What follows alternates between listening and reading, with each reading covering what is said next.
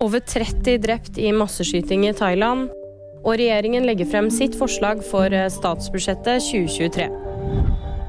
Minst 31 skal være drept etter en masseskyting nordøst i Thailand. Det er både barn og voksne blant de drepte. Det melder Reuters.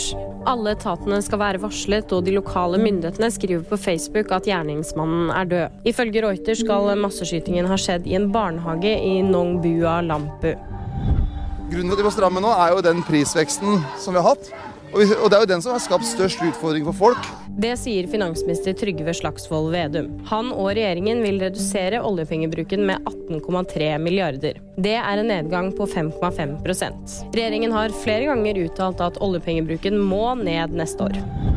Regjeringen kutter all støtte til dyrevernorganisasjonen NOAH. For ett år siden så kåret NOAH Senterpartiet til det minst dyrevennlige partiet. Landbruksministeren sier at dette er en beinhard prioritering, mens NOAH er sjokkert over kuttet og kaller det uverdig. Og VG-nyhetene de fikk du av meg, Kaja Marie Andreassen.